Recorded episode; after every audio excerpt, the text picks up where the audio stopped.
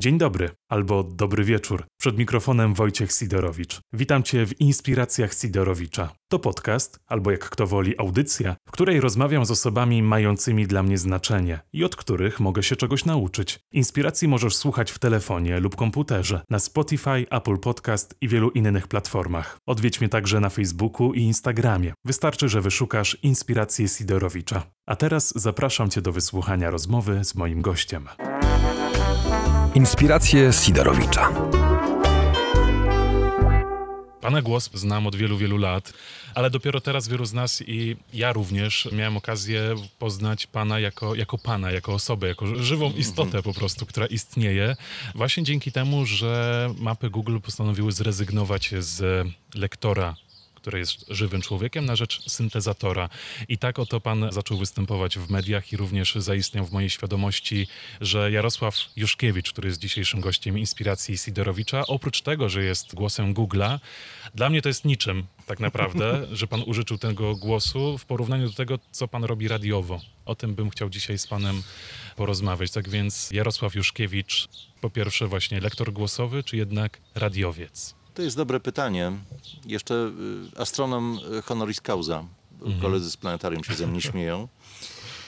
E, chyba gdzieś wszystkie te trzy rzeczy łączę i mówię o sobie, że jestem potrójnym szczęściarzem, bo e, rzeczywiście dużym szczęściem w dzisiejszych czasach jest mieć pracę, którą się kocha.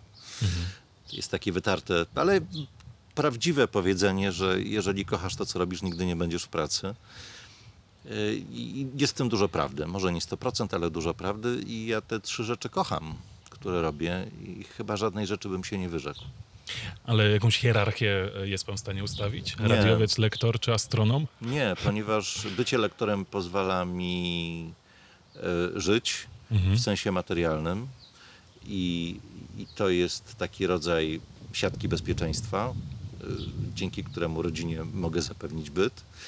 Praca w radiu była od zawsze. Chyba odkąd pamiętam, to gdzieś tam mikrofon był w moim życiu.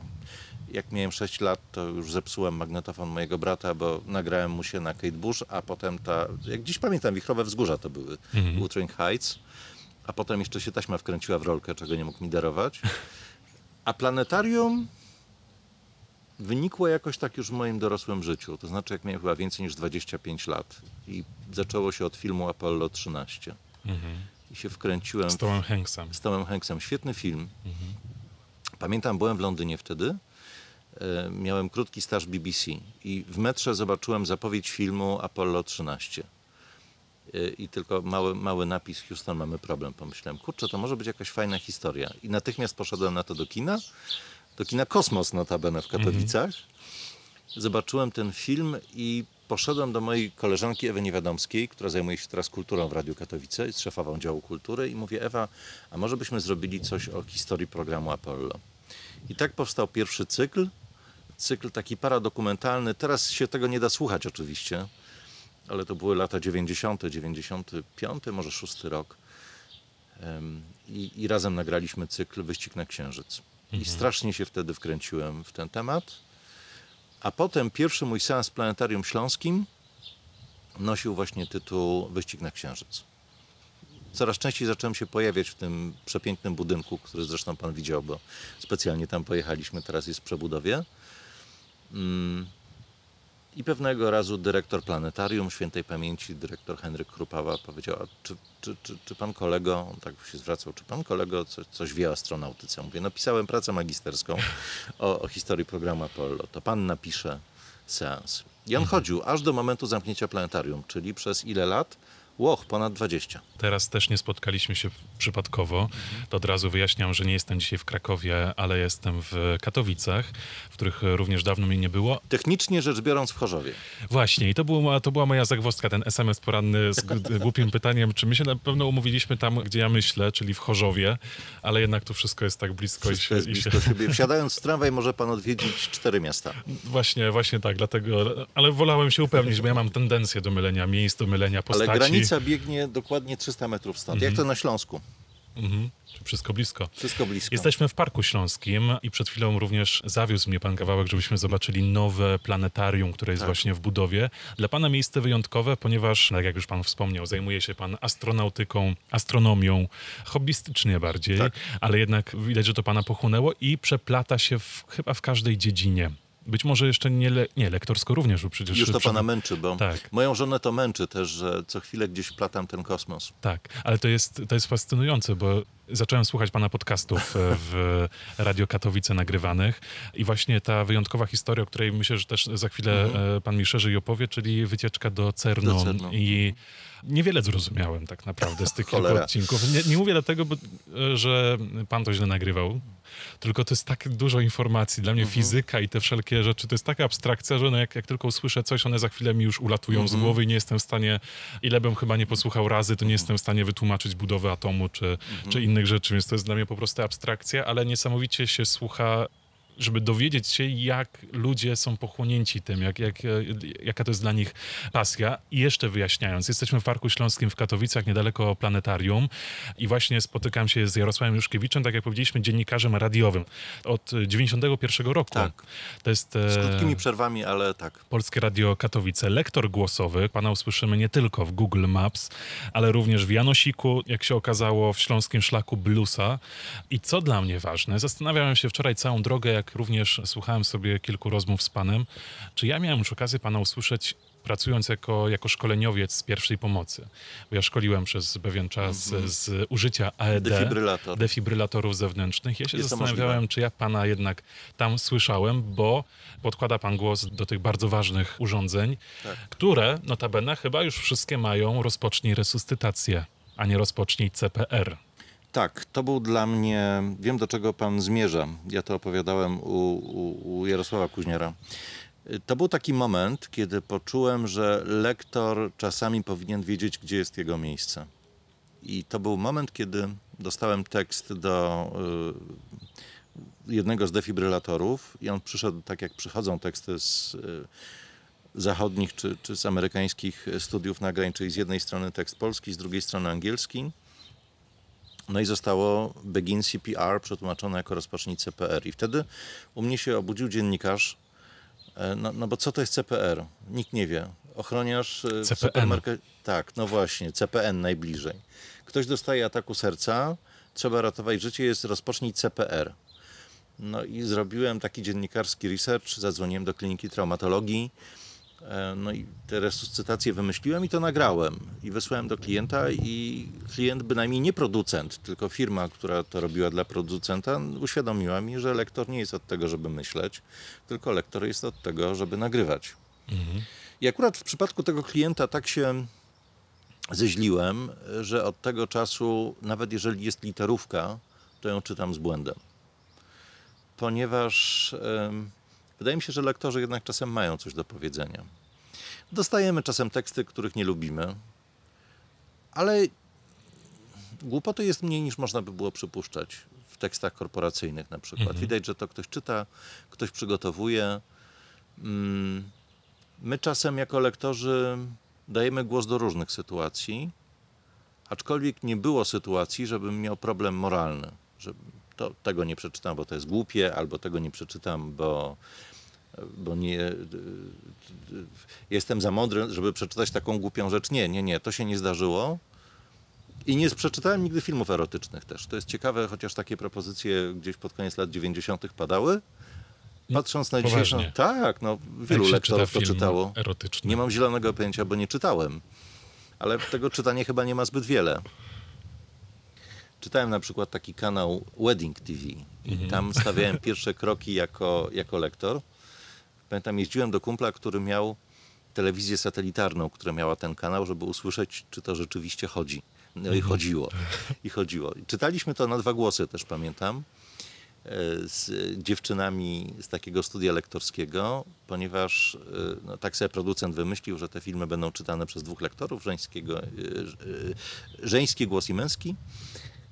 I potem właśnie mówiliśmy, cześć żono, cześć mężu. Z tymi dziewczynami się mijaliśmy, bo to z reguły właśnie był pan młody i pani młoda. Swoją drogą, czytając te filmy, w ogóle czytając filmy dokumentalne, można się bardzo wiele o życiu dowiedzieć. Mój ulubiony cykl to był cykl dla kanału, albo to było Discovery, albo to był inny kanał, któryś z serii, chyba Viasat Explorer. I to była seria dokumentalna o malarstwie, o impresjonistach. Nie lubiłem tej, serii, tej serii, bo wymagała ode mnie, żebym trochę jednak poczytał o tym malarstwie i żebym na przykład dowiedział się, jak się czyta Lautrec czy Lautrec. Mhm. Ale to było coś cudownego, bo przy okazji pochłonąłem sporą dawkę wiedzy. Pewnie bym na ten temat y, nic nie wiedział. I pamiętam, jak parę lat później z córką pojechaliśmy do Londynu i poszliśmy do National Gallery, e, stanąłem przed, jak to w galerii, masa obrazów, trochę ludzi. I był pan przewodnikiem. Właśnie nie, bo to już mi wyleciało z głowy. Lektorom to czasem wylatuje z głowy, ale stanąłem przed obrazem i mówię, rany boskie, przecież to jest ten mostek nad rzeczką, to jest to, o czym ja czytałem, to jest to, co ja widziałem na ekranie. Al Alicja. I taką sytuację mam stamtąd. Może nie pasuje to do podcastu, ale to było miejsce, gdzie był świetny zasięg Wi-Fi, więc połączyłem się przez FaceTime z żoną, ale nie wyłączyłem dźwięku. I e, pokazałem się jej na ekranie i mówię, zobacz co tu jest. I pokazuję ten obraz, ona też uwielbia malarstwo. I oczywiście ona zareagowała w odpowiedni emocjonalny sposób, używając brzydkiego słowa. Pół muzeum się obejrzało, łącznie z ochroniarzem. Także czytanie, bycie lektorem pozwala y, różne aspekty życia poznać. Naprawdę. Amazon czytałem też, pamiętam. Mm, Nie wiem, czy wolno mi mówić, ale chyba, chyba wolno. Szkolenie pracowników Amazona BHP. Mhm. I teraz jak sobie myślę, że ci ludzie przychodzą i słyszą mój głos, który mówi, że jak podnosić na przykład różne rzeczy. E, O, na przykład mógłbym panu świetnie powiedzieć, jak operować wózkiem widłowym. Czytałem całe, całą instrukcję A używania jeździł pan kiedyś? Nie jeździłem, natomiast y, znam wszystkie przepisy. Gdzieś tam ciut mi w głowie zostało.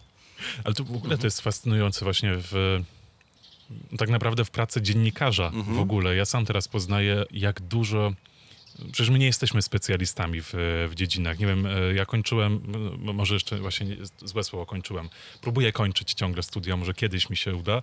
I no nie byłem na przykład przygotowany do tego, żeby wiedzieć o coś o zanieczyszczeniach powietrza, o emisjach e, z kominów. Jesteśmy specjalistami do spraw ogólnych, jak mówił Marek Borowski kiedyś. Dokładnie tak. I, i właśnie wtedy e, ja nagle wiem o tym wszystko, bo, bo czytam, muszę się dowiadywać, pytam o, tym, e, o to ludzi. Ale i, dobrze, że pan czyta. Tak, i nie spodziewałbym się, że będę miał taką ogromną wiedzę właśnie o emisjach, o e, wodorach alifatycznych, tego typu rzeczach, których pewnie rzeczowo nie wytłumaczę, ale już jakieś pytanie, żeby wiedzieć, jak ktoś mnie próbuje omamić w jakiś sposób, wiem jak zadać, więc to jest, to jest dobra rzecz. E, zawsze się śmiałem e, myśląc o lektorach, bo to jest w ogóle mój wymarzony zawód. To był przez wiele lat mój wymarzony zawód, zanim się Mhm. Zacząłem zajmować dziennikarstwem, to śmiałem się z lektora Mody na sukces, którą uwielbiała moja babcia. I tak sobie Okej. myślałem, Boże, jak on, jak on musi mieć e, smutne życie, albo może właśnie wesołe, jak on zna całą tą fabułę od x lat e, i wie o tym wszystkim. Ale wie pan, że się można wciągnąć. E,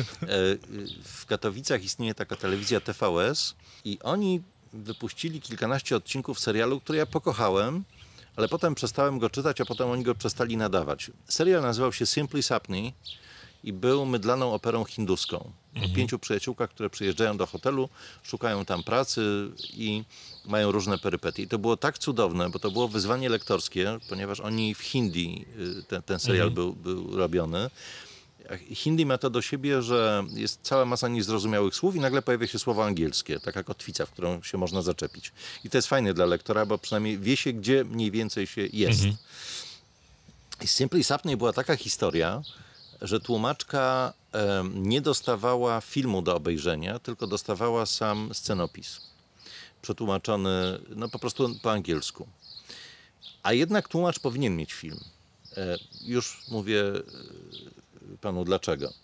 Otóż była tam postać Ravi. Przeczyta, przeczytaliśmy chyba z sześć odcinków, bo ciągle o tym Ravi wspom, wspominali, wspominali, a potem się Ravi no właśnie pojawiła. To była kobieta.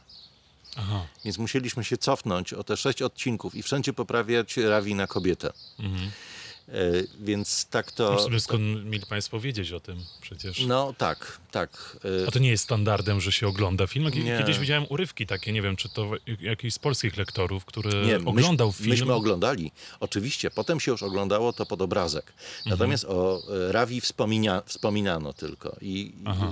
tłumacz uznał, że Ravi jest mężczyzną, i wszędzie już zrobiła, Rabi zrobił, Rabi poszedł i tak dalej. Pokazało się, że to jest dziewczyna. Y, mhm. Nie ma takich form osobowych w języku angielskim, więc dla tłumacza to nie był problem.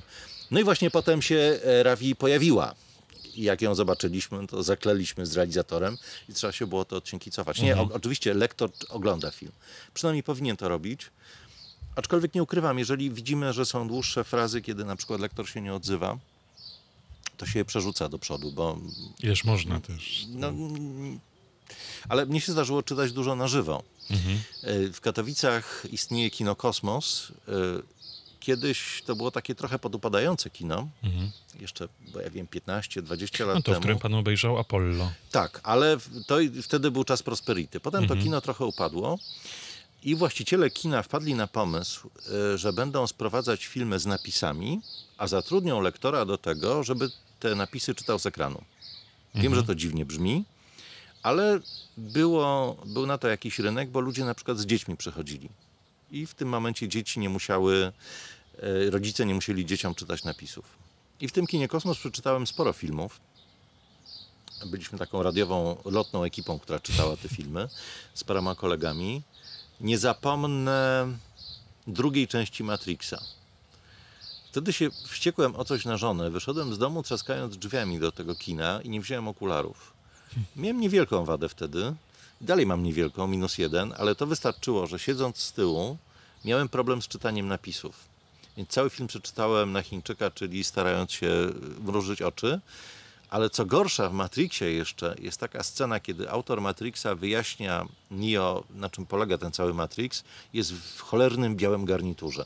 I napisy też są białe. I były momenty, kiedy musiałem już trochę wymyślać, to, co on tam mówi.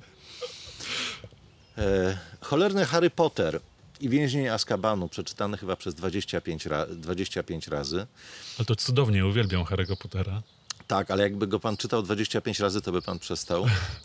Nie dalej jak tydzień temu moje dzieci zaczęły to oglądać. Mówię, tak, mogę wam z pamięci powiedzieć ścieżkę dźwiękową tego filmu.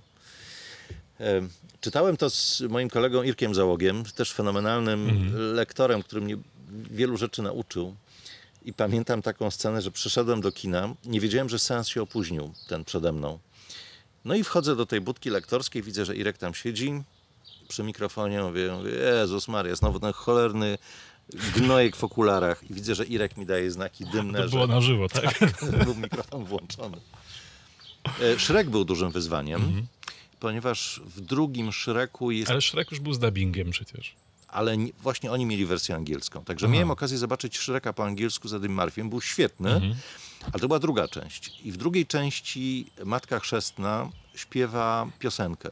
Wróżka. Wróżka. I ta piosenka była wyzwaniem, ponieważ tam się pojawiały podszylniki tekstu natychmiast znikały. Mhm. Jeszcze dykcyjnie trzeba to było przeczytać.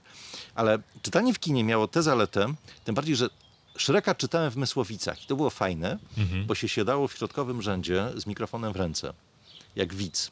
Ludzie w ogóle koło mnie tak patrzyli na mnie dziwnie, co ten facet robi z mikrofonem na kablu. A ja czytałem. I to było fajne, bo było się wśród widzów i się czuło reakcję. Mhm.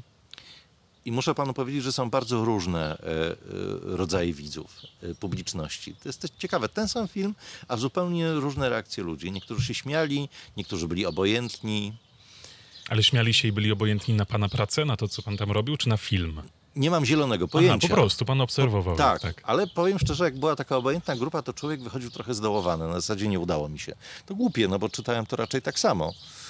Pamiętam też, to może też coś powie o pracy lektora. Jak w rzeczonym kinie Kosmos, które się pojawia po raz kolejny w naszej rozmowie, mhm. czytałem film Troja. I to był seans poranny, chyba dziesiąta rano. Mhm. Nikogo nie było w tym kinie poza moimi rodzicami. Przyszła tylko mama i tata. Zapłacili za bilety, ja poszedłem do budki lektorskiej, bardzo byłem spięty i zacząłem czytać ten film, który, przypomnę, trwa trzy godziny. No i po, po, po napisach końcowych, kiedy już powiedziałem, czytał Jarosław Juszkiewicz, taki dumny, podbiegam do nich, no i co, no i co? Na co ojciec mówi, wiesz co, szczerze mówiąc, to po trzech minutach się wyłączyłem, że to ty. Po prostu oglądałem film. I to chyba jeden z największych komplementów, jaki usłyszałem w życiu, jeżeli chodzi o moją pracę lektorską. Bo lektor powinien być nienachalny, e, nie powinien denerwować, Powinien być tłem. powinien być tłem, powinien być zauważalny, ale jednocześnie nie powinien wpływać w żaden sposób na to, co się dzieje na ekranie. I moim takim mistrzem był e, pan Tadeusz Chmiel, który czytał wszystkie konfrontacje. Konfrontacje to był taki czas, pewnie też mieliście je w Krakowie, ale pan jest za młody, żeby to pamiętać, Jak na wiele rzeczy. kiedy y, w latach 70. i 80. nie wszystkie filmy były grane w kinach, bo po prostu nie było stać, albo z innych politycznych powodów y, te filmy nie były wyświetlane. E, Raz do roku organizowano jesienią chyba w Polsce, albo to była wiosna, nie pamiętam, konfrontacje. Sprowadzano same hity filmowe i one przez kilka dni były grane w różnych kinach. I oczywiście tłumy waliły na te filmy, były czytane z list dialogowych, bo nie, nie, nie robiono napisów dla tych kilku emisji i pan Tadeusz Chmiel był jednym z czytających konfrontacji. Nie wpuścili go do kina na Rokiego, którego miał czytać. E, tłum się kłębił od rana pod kinem Rialto w Katowicach. Pan Tadeusz Chmiel się pojawił z listą dialogową. Dobra, dobra, cwaniaczku, do kolejki. Nie, ja, to ja jestem lektorem. Dobra, dobra, każdy sam może wydrukować kartki, do kolejki. E, I ja potem miałem zaszczyt e, być szkolony przez e, pana Tadeusza Chmiela. I w kinie Kosmos czytałem, poproszono mnie chyba trzy lata temu, żebym przeczytał Hudsona film Asfaltowa dżungla Mhm. Kryminał z 50 chyba trzeciego roku. I dostałem listę dialogową. To miał być film czytany z listy. No i patrzę, widzę znajomy charakter pisma, a to ksero było. Dzwonię do pana Tadeusza, który już jest powyżej 80, już jest na emeryturze. Mówię, panie Tadeuszu, a tu widzę chyba znajome pismo. On mówi, tak, tak, czytałem y, asfaltową dżunglę, albo betonową dżunglę, chyba asfaltową dżunglę. E, Na konfrontacjach w 82 Niech pan uważa tam na początku, w pierwszej scenie to jest źle rozpisane, zresztą ja tam zrobiłem poprawki, to pan zobaczy. Taki mistrz. Cudownie to brzmi. No. Ale powiedział pan, że był szkolony przez pana a, Tadeusza. Jak wygląda takie szkolenie lektorskie? Radio nam, to zorganiz- e, radio nam to zorganizowało, jak przyszliśmy do pracy.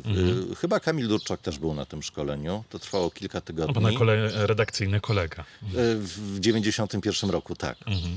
Mm, Pracowaliśmy biurko w biurko. W tym samym czasie dostaliśmy etat. E, Kamil przepracował w radiu półtora roku i poszedł do radia Top komercyjnego, które się organizowało. Ja zostałem. Em, Speakerzy, bo wtedy to byli speakerzy, y, pan Tadeusz Chmiel, pan Andrzej Kania, pani Barbara Czajkowska. E, Oni byli takimi uznanymi speakerami, którzy mieli dyżury, przychodzili ubrani bardzo ładnie, jeszcze siadali przed mikrofonem. To były te czasy. E, I zorganizowano taki cykl szkol, szkoleń lektorskich, jak oddychać przeponą, jak mówić wyraźnie, jak otwierać buzię, jak się zachowywać przed mikrofonem, jak nie mlaskać, jak panować nad śliną, jak przewracać kartki. Cała masa tych technicznych rzeczy, których i tak potem musieliśmy się sami douczyć, ale oni nas nauczyli szacunku do mikrofonu. E, I to chyba pani Barbara Czajkowska powiedziała, że trzeba strasznie uważać z mikrofonem, bo on potrafi spowodować wrażenie sztucznego luzu.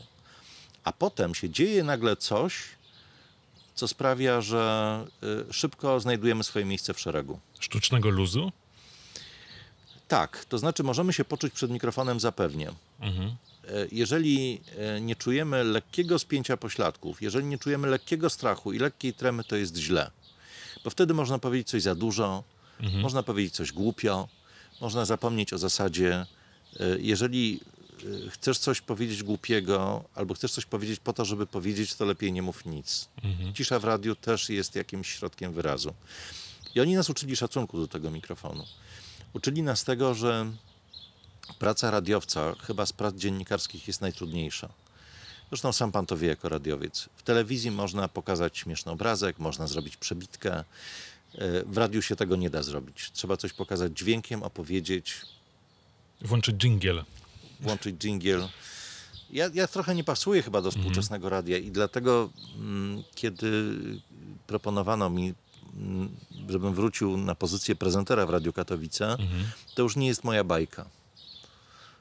Y, Ja nie potrafię w ten sposób mówić, bo czuję, że to jest maniera. Nie potrafię krzyczeć do ludzi. E, Nie potrafię, nie potrafię osobie, której nie znam, e, a jest starsza ode mnie, mówić po imieniu. Mhm. Zresztą podejrzewam, że my jesteśmy z podobnej gliny i pan to odczuwa podobnie, prawda? Próbuję. Uczę się również czytać chociażby newsy. Właśnie, ale dlaczego w radiu? Przecież nie trzeba mówić do, po imieniu do gości chociażby. Ale to się często zdarza i mnie to irytuje. Ym, irytuje mnie... Czy ja zauważyłem u pana, w pana pracy właśnie i o to też chciałem zapytać. Tak. przy okazji, ale jak już jesteśmy przy tym, przy okazji reportaży, które pan robił, Tak.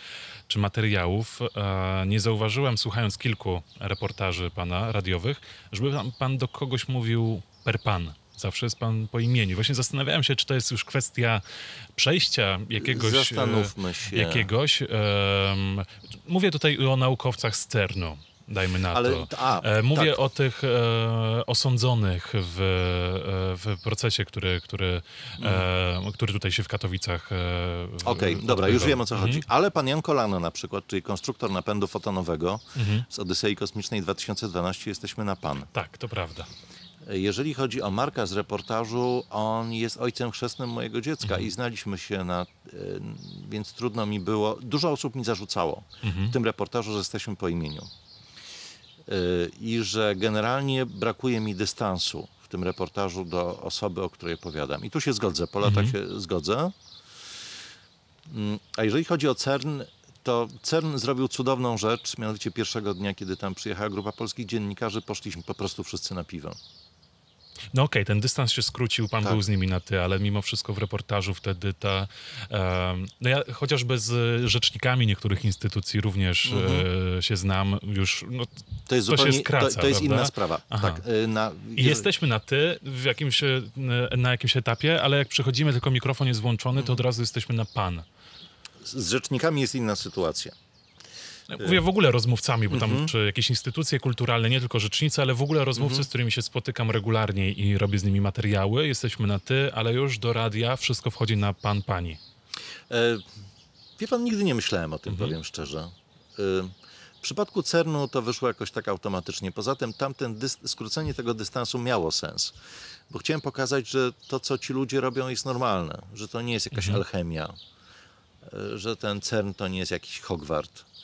I być może, e, być może tak to wyszło. Zasmucił mnie pan Holender, że już starałem się opowiadać w tych audycjach o CERNie jak najprościej się da. Już mi zarzucali nawet ludzie z CERNu, którzy tego słuchali, że upraszczam za bardzo. Ale to jest proste, tylko to ja, ja nie mówię, że, że to nie jest proste, jądrowa nie tylko, jest prosta. tylko, a czy proste, że obrazowo pan to e, stworzył, ale dla mnie to jest w ogóle czarna magia. Jakby, cokolwiek by pan nie powiedział wprost nawet, to i tak nie, Trzeba nie pojechać do do końca, CERNu, żeby to nie do zobaczyć. końca e, zrozumiem. Tutaj w podcastach, to też kiedyś mi e, ktoś zarzucił, bo mm, wspomniany był, e, rozmawialiśmy wcześniej o, o gościach i był, e, że na przykład był Robert Biedroń e, Tak. gościem podcastu. Ja z Robertem jesteśmy na ty. Mhm. E, I normalnie również w tej audycji wtedy jeszcze w Radiu Studenckim e, tak rozmawialiśmy, Robercie Mhm. Wojtku. E, No i wtedy ktoś, chyba właśnie jeden z wykładowców, który również jest pracownikiem Radia Kraków, powiedział, że powinienem mówić raczej na pan. Ja nie mam z tym problemu, bo Zastanawiam się, czy to rzeczywiście tak powinno być. Jeżeli ja kogoś znam i zapraszam na przykład tutaj, to czy powinniśmy wtedy tej, tej formy, jeżeli to jest taka autorska rzecz, używać? e, pamiętam audycję rozmowy Jacka Żakowskiego z księdzem Tischnerem. Mhm. Mówili sobie po imieniu wtedy. O. Pamiętam, jaki to był dla mnie szok, że tutaj jest osoba duchowna, a z drugiej strony y, no, rozmawiają o takich rzeczach jak wiara, jak Bóg, e, jak światopogląd. Ale ta forma mi bardzo wtedy spasowała. Ona właściwie spowodowała chyba, że zacząłem oglądać te rozmowy. Są fenomenalne. Mam nadzieję, że kiedyś telewizja publiczna je znowu Czyli taki właśnie mniejszy dystans, tak? Że one Ale bardziej to... możemy, możemy zrobić próbę. Jestem Jarek, bardzo mi miło. Wojtek. No i zobaczymy, czy teraz nasza rozmowa się potoczy inaczej. Nie sądzę. No, możemy... Ale Jarek czy Jarosław? Jarek, tak. Jarek, wolę Jarka. Jarek. Jarosław, e, ale Trudno to ze się względu żyje na to, tym tak? w Polsce. Ale nie przechodźmy na kwestie polityczne, błagam. E, w ogóle, no ja też nie za bardzo, e, a czy lubię, interesuję się, ale... Ja też, aczkolwiek uważam... Ale ja już Dobrze, zgłupiałem. wywołałeś ten temat. Wywołałeś ten temat, proszę bardzo. Em, Co uważasz? Nie, nie, to nie jest co uważam. E, Dobrze, uważam, że e, dziennikarze, którzy zajmują się nauką i technologiami, tak jak ja, nie powinni swoich poglądów politycznych ujawniać. Generalnie nie powinni dziennikarze w ogóle swoich poglądów politycznych ujawniać. I to mnie strasznie denerwuje we współczesnej publicy- publicystyce, I to mnie strasznie denerwuje we współ... No patrz, we Współczesnej... współczesnej publicystyce politycznej, że dziennikarze stali się poniekąd e, politykami. Zauważyłeś to? Że widzisz jakiegoś dziennikarza na ekranie, albo widzisz grupę dziennikarzy i od razu wiesz, kto będzie jaką opcję reprezentował. Tak jest na przykład w porannym, e, niedzielnym programie w TVN24. Najpierw oglądasz kawę na ławę, gdzie masz polityków i z grubsza wiesz, co oni powiedzą i jakie ciosy między sobą wymienią. A zaraz potem jest loża prasowa. I masz dziennikarzy z różnych y, tytułów i od razu wiesz, co, co będzie każdy mówił. No to prawda, dokładnie. E, Jasecki trzyma, e, trzyma tą taki, taki mam wrażenie, poziom wyważony i nie ujawnia. Stara się, stara się. I to mnie, to mnie denerwuje, bo jestem naprawdę z czasów, kiedy trudno w to uwierzyć, ale był pewien model BBC i to było w ogóle cudowne w czasie mojej współpracy z BBC, że w ogóle to była idea fix, żeby nie próbować jakiejkolwiek strony faworyzować. Ale jak oglądasz lożę prasową, tam jest e, dziennikarz e, Onetu, Mhm. Tak. Stankiewicz. Tak. E, no to on właśnie raczej jest tą, tą formą, Tak. którą ty re, się Tak. reprezentował. E, No ale to nie ma znaczenia, z kim ja się utożsamiam. Mhm. Ja chciałbym mieć dziennikarza, który dokona rzetelnej analizy na ekranie, a nie kogoś, kto przedstawi jakąś opcję polityczną. Mhm. Mazurek? I- Ach, no ale Mazurek jest kojarzony z prawą stroną, no. Jakby na to nie spojrzeć, nie? Z prawą? Z prawą. Ja zupełnie tego Nie? nie, wyczułem. A ja, ja, go, ja go widzę gdzieś sprawie. No ale widzisz, dokonujemy szufladkowania, a nie powinniśmy tego robić.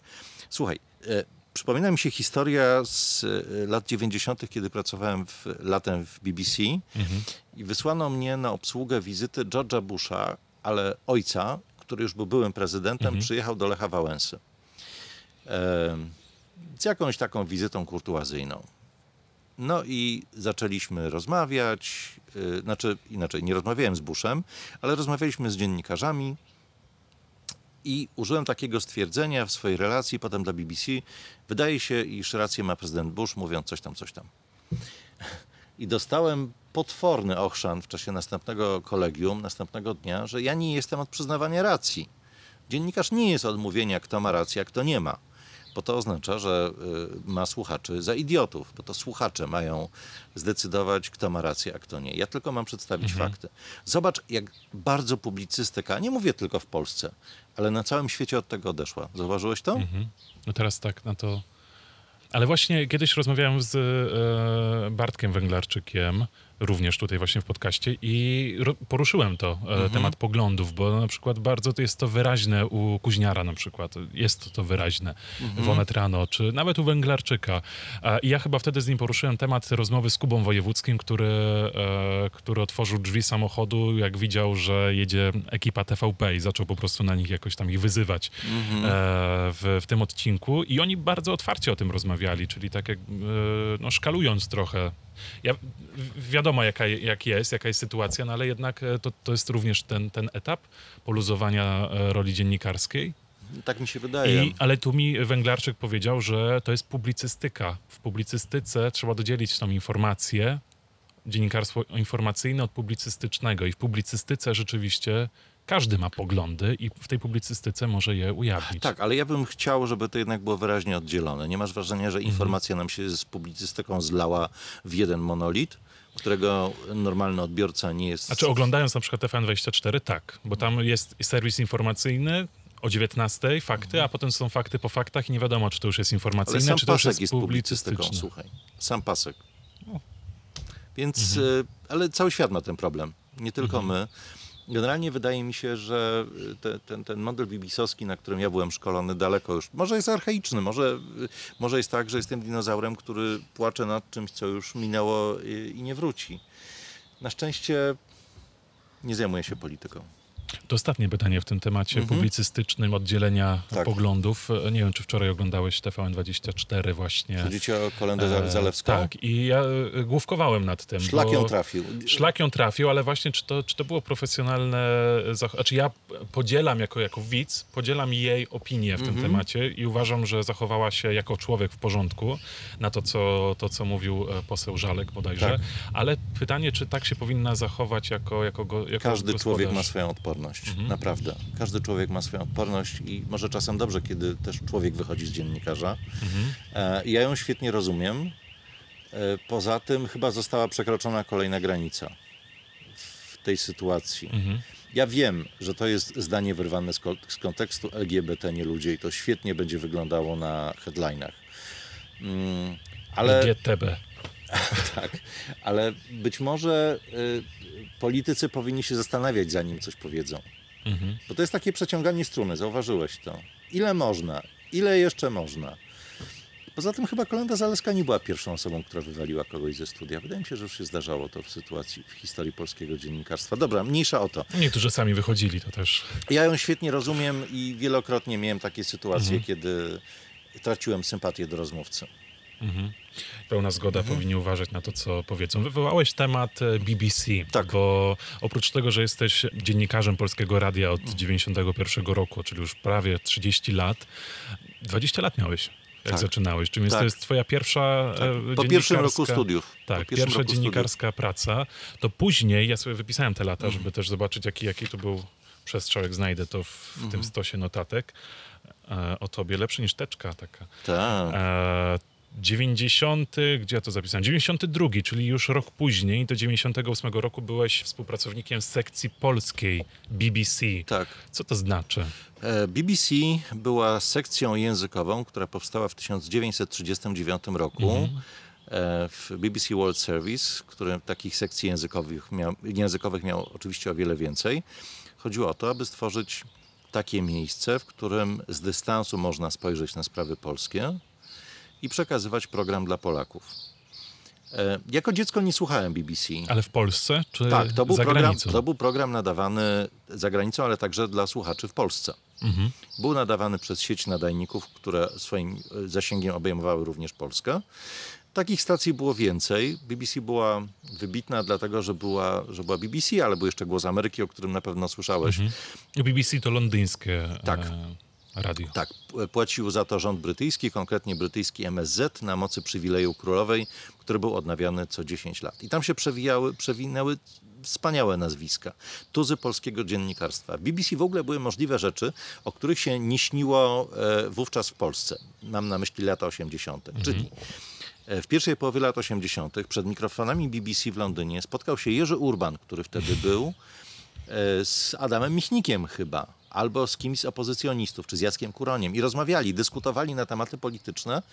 To nie było możliwe wtedy w mediach państwowych, a było możliwe w BBC. To też zaznaczmy, że BBC to jest takie nasze polskie radio, tak? To jest ich Tak, e, tak, to, publiczne to jest medium. publiczna sta- stacja. Pamiętam też jedną sytuację, kiedy pracowałem dla BBC w Warszawie. To była okrągła rocznica zakończenia II wojny światowej. Byłem na cmentarzu na Powązkach. Było tam wtedy bardzo dużo akowców i nagrywałem jednego z nich i opowiadał mi, że mm, no, w ogóle pow- opowiadał o Powstaniu Warszawskim, ale mówił, że się bardzo cieszy, że mówi do mikrofonu z napisem BBC, ponieważ on miał ukryte radio w podwójnym dnie szafy i kiedy w nocy nikt nie słuchał, on sobie włączał cichutko to radio i słuchał sekcji polskiej BBC. Ja wtedy miałem ciary, bo miałem ten sam mikrofon w ręce i te, wtedy poczułem jakby ciężar tej odpowiedzialności, że to jest ta sama instytucja. I jeździłem do Londynu y, na, na, na różne staże. Pracowałem także w biurze warszawskim BBC. Ale jak tam trafiłeś właśnie? E, Bo tu e, dajemy na 21 lat. Pod koniec wtedy. 91 roku wybuchł potężny strajk w śląskich kopalniach. Mhm. Albo to była końcówka 92, nie pamiętam. W każdym razie stały prawie wszystkie kopalnie z powodów finansowych. I zadzwoniło BBC do redakcji y, w Katowicach, mówiąc, że potrzebują kogoś, kto, e, kto by im to relacjonował. I padło jakoś na mnie. Albo inni nie mieli czasu, albo to był okres wakacyjny, nie pamiętam. No i zrobiłem pierwszą, drugą, piątą relację. Zapytali, czy mógłbym robić coś więcej ze Śląska. No i tak się zaczęło. Potem trzeba było pojechać na drugim roku studiów na praktyki. E, Miałem do wyboru telewizję e, polską w Warszawie i sekcję polską i wybrałem e, BBC. Tam pracowałem przez miesiąc, potem za te pieniądze pojechałem do Londynu. Przyjrzałem się trochę pracy też w biurze londyńskim, no i, i tak się zaczęło. Przez kolejne dwa lata jeździłem na, na staże i jeżeli coś ciekawego działo się na Śląsku, to, to relacjonowałem to na Śląsku. No, brzmi to niesamowicie. To było moim marzeniem, żeby zostać w Londynie, ale zanim marzenie się mogło skrystalizować, to w 2005 roku sekcję rozwiązano w grudniu. I twój bardzo ciekawy reportaż. Słuchałeś tego? Tak, tu, O. mówił, tu mówił Londyn. Londyn. Tu mówił Londyn. E, słynne słowa, tu mówi Londyn. Tak. E, I twój e, tytuł reportażu, tu mówił Londyn, czyli wtedy, kiedy rozwiązywali te sekcje. Leszek Wielgo, Tak. który... A to był który- cios, y, y, właśnie jak słuchałem, niby taka rzecz po prostu rozwiązują, decyzje różne zapadają, ale jak słuchałem tych dziennikarzy, którzy mówią w tym reportażu, Tak. to z ogromnym przejęciem i bólem opowiadali o tym, że ta sekcja polska jest rozwiązywana. Ich losy potoczyły się bardzo różnie. Mhm. Niektórzy pracują w dubbingu, e, niektórzy zostali w Londynie i, i pracują gdzie indziej, pracują w mediach. Mm, To rzeczywiście była jakby bliska osoba, która umierała. I, i, I to było smutne. Poza tym wszystko się wydarzyło w 2005 roku, e, kiedy BBC uznało, że już w Polsce na tyle są media ustabilizowane, że sekcja nie jest potrzebna. No, późniejsze wydarzenia pokazały, że idealnie by się przydał głos kogoś, kto by spojrzał z zewnątrz na wydarzenia w Polsce. Szczególnie teraz. I wtedy i teraz e, ten, to spojrzenie z dystansu z Londynu było bardzo cenne, bardzo często, e, bardzo cenne i bardzo żałuję, że tego nie ma. Nie wiem też, co stało się z archiwum BBC. Ono pewnie gdzieś jest dostępne, przez pewien czas było dostępne w internecie, ale, ale, to, ale to zniknęło. To były najwyższe standardy dziennikarstwa i jestem dumny, że mogłem e, jakiś w tym udział brać. Jak teraz się mówi o mediach publicznych, w których notabene pracujesz Mhm. również z taką, no, z ogromną goryczą, niestety, to podaje się jako, jako drugą stronę właśnie BBC, że gdzieś Mhm. się da e, osiągnąć właśnie ten taki e, pluralizm medialny. Da się. Moim zdaniem da się. BBC niestety potem mocno została zachwiana jego pozycja, kiedy wybuchła wojna w Iraku.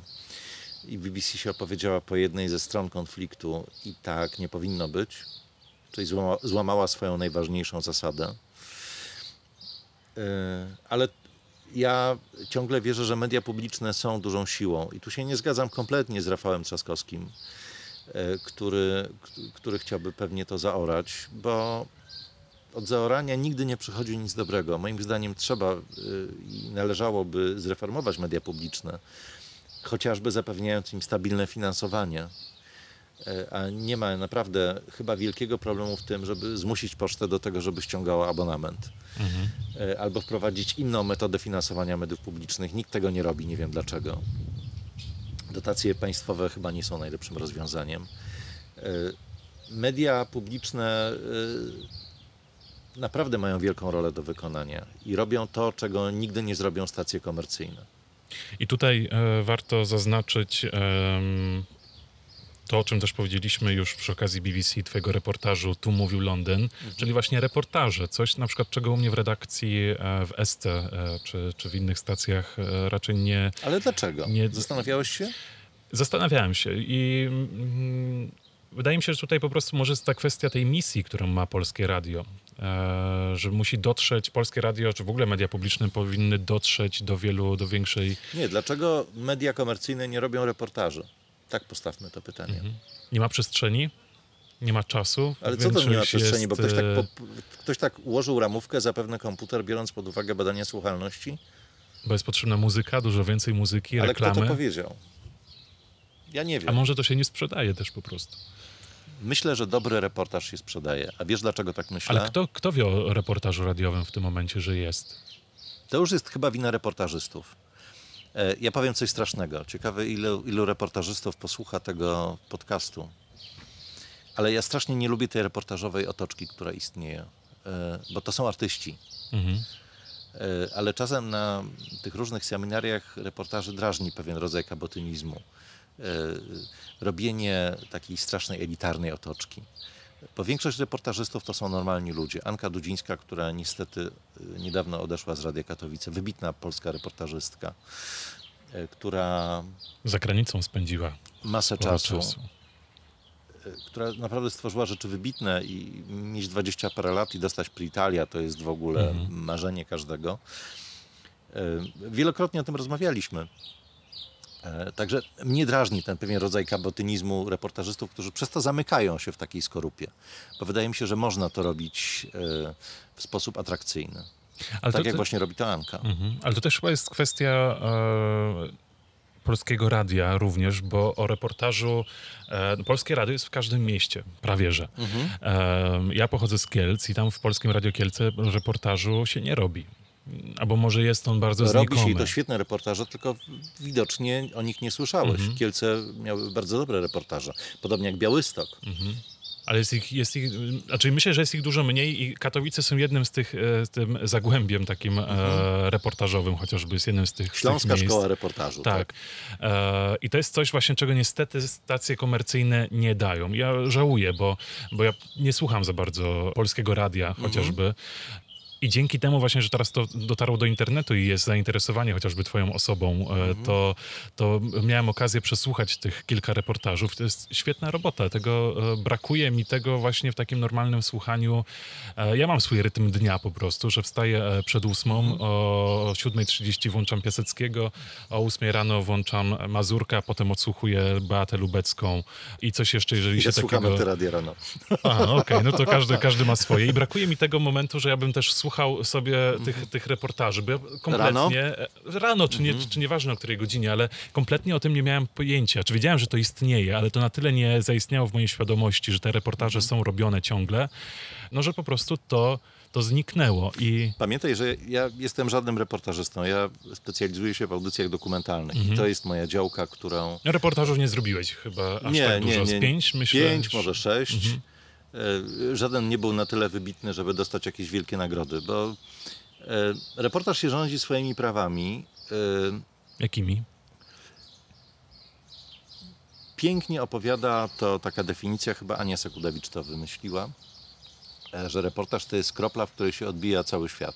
Czyli opisujesz historię na przykład jednego człowieka, pokazując szerszy problem. E, Albo coś jest pretekstem do opowiedzenia jakiejś ważnej historii. A ja nie zawsze chcę opowiedzieć ważną historię. Historia z e, człowiekiem, który wymyślił napęd fotonowy w więzieniu, trafiła mi się przez zupełny przypadek. Odyseja kosmiczna. 2018. 18. Patrz, mamy 2020. Pan Jan Kolano podobno wyszedł, ale nie skontaktował się ze mną. Ym, także jeżeli robiłem reportaż, to raczej nie chodziłem za tym reportażem, raczej wpadało mi to w ręce. Mhm. Natomiast jeżeli chodzi o dokumenty, to sobie je wymyślałem. I, i, i to jest fajne. Ym, Poza tym forma dokumentalna pozwala ci bardziej kształtować y, materię, nad którą pracujesz. E, I to chyba lubię najbardziej w pracy radiowej. To w pracy radiowej lubię najbardziej. Czyli masz, masz pewne klocki i z tych klocków możesz utworzyć całość. W głowie sobie tworzysz pewną rzeczywistość i potem przy pomocy rozmów, muzyki, efektów dźwiękowych tworzysz jakąś przestrzeń. I to jest e, e, dla mnie taka najbardziej pełna forma, ponieważ mam najwięcej kontroli nad tym. Czasem nad rozmówcą w reportażu nie masz kontroli, nie wiesz w jaką stronę pójdzie reportaż. A w dokumencie możesz sobie wiele rzeczy zaplanować. Możesz sobie ułożyć tak, jak chcesz. I dlatego, e, jeżeli słuchałeś moich audycji z CERN-u, Mhm.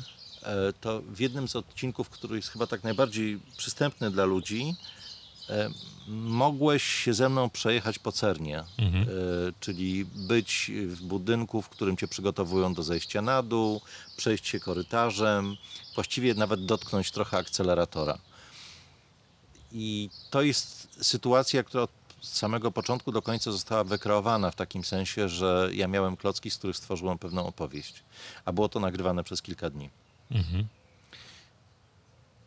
To jest dla mnie w pracy radiowej najfajniejsze, że możesz stworzyć jakby zupełnie nowe opowieści. Tak jak jest, my się z Kaśką śmiejemy, y, która jest y, moja żona, która jest też radiowcem, robimy teraz cykl o powstaniach śląskich i podzieliliśmy, prawda, Ten rozstrzał. 30 odcinków, tak? 30 odcinków. W przyszłym roku pewnie będzie 30 o trzecim powstaniu śląskim. I idealnie podzieliliśmy swoją pracę, ponieważ y, Kasia bardzo, bardzo, bardzo ją kręcą różne stare nagrania, więc siedzi godzinami w naszym archiwum radiowym, znajduje opowieści tych powstańców, którzy już dawno nie żyją, stare audycje, słucha tego godzinami. Przygotowuje mi listę, czyli właściwie taki szkielet audycji i ja to uwielbiam. Rzucam się na to jak sęp, ponieważ ja do tego mogę dodać właśnie, śmiejemy się trochę magicznego pyłku. ponieważ mam przed sobą scenariusz. To, proszę bardzo, odcinek, który pisałem wczoraj, a będzie dopiero za tydzień na antenie. Odcinek nosi tytuł Polityka. Mamy traktat wersalski, rok 1920.